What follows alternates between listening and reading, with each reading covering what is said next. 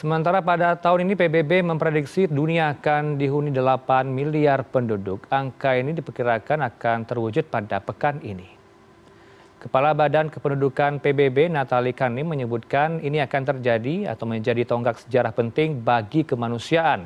Ia juga turut menyerukan adanya peningkatan harapan hidup serta jumlah kematian ibu dan anak yang semakin berkurang butuh dua belas tahun untuk dunia memiliki penduduk dari tujuh miliar ke delapan miliar.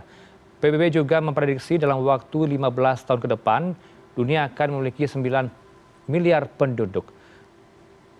Berdasarkan data dari biro sensus amerika tiongkok masih memimpin sebagai negara dengan jumlah penduduk terbanyak di dunia dengan satu empat miliar penduduk.